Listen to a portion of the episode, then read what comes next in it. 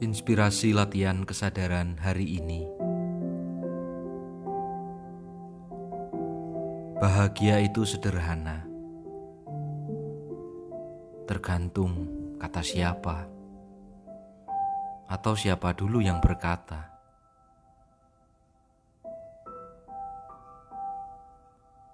Kapan, di mana, dan juga alasan dibalik pernyataan itu apa. Kalaulah demikian,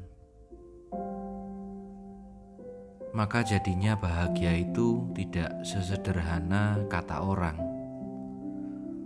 bahkan kata-katanya sendiri. Bukannya lantas meragukan adanya kebahagiaan atau tidak percaya bahwa kebahagiaan itu dapat dirasakan. Hanya saja untukku dan untukmu memahami dan mendefinisikan kebahagiaan ini pun tidak pernah ada satu ukuran dan standar yang pasti.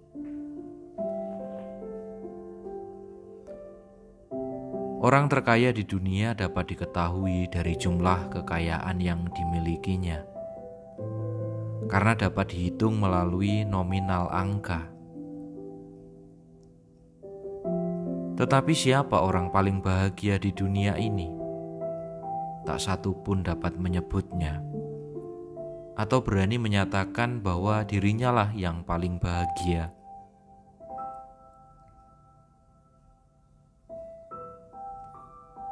Lalu, mengapa makna kebahagiaan yang awal mulanya tampak begitu sederhana saat ini menjadi begitu rumit dan sulit dimengerti, dirasakan, dan dipahami?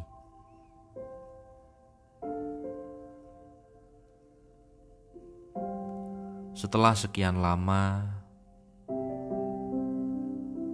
tidak menyapa ruang rasa, asa, dan logika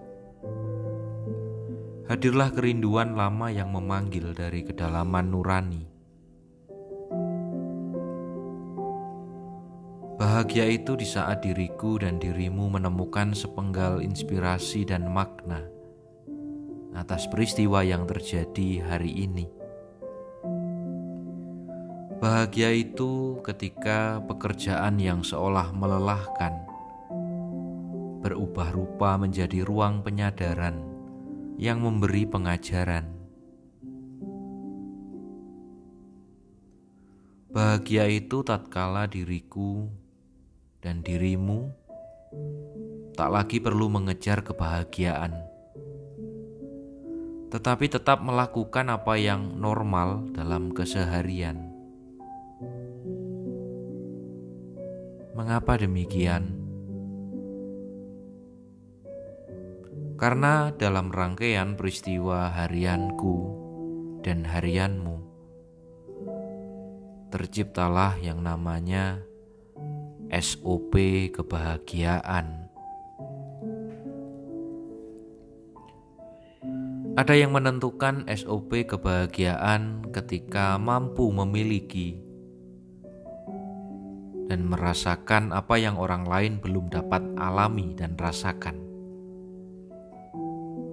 lantas ada rasa bahagia, ada kebanggaan atas pencapaian itu di atas apa yang dirasakan oleh orang lain.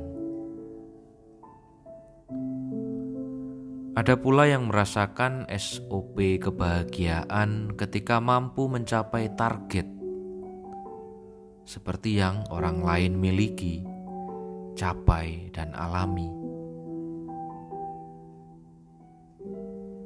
Ada lagi SOP dengan jenis terus belajar untuk bahagia dengan apa yang ada dan dimiliki saat ini di sini.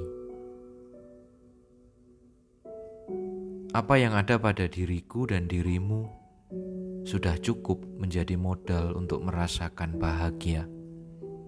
Tak perlu lagi memaksa diri untuk mencari yang lebih dan lebih lagi.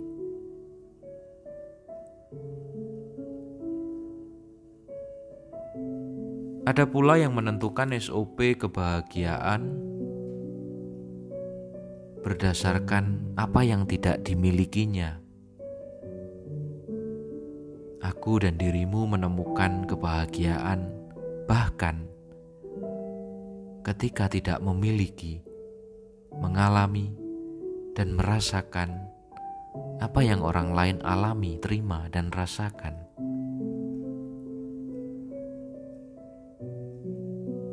Namun ternyata ada pula SOP kebahagiaan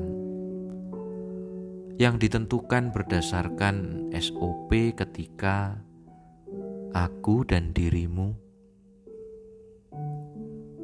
tak lagi terus berusaha menipu apa yang kini sedang aku dan kamu pikirkan, rasakan, dan rindukan. Salam bengkel kesadaran.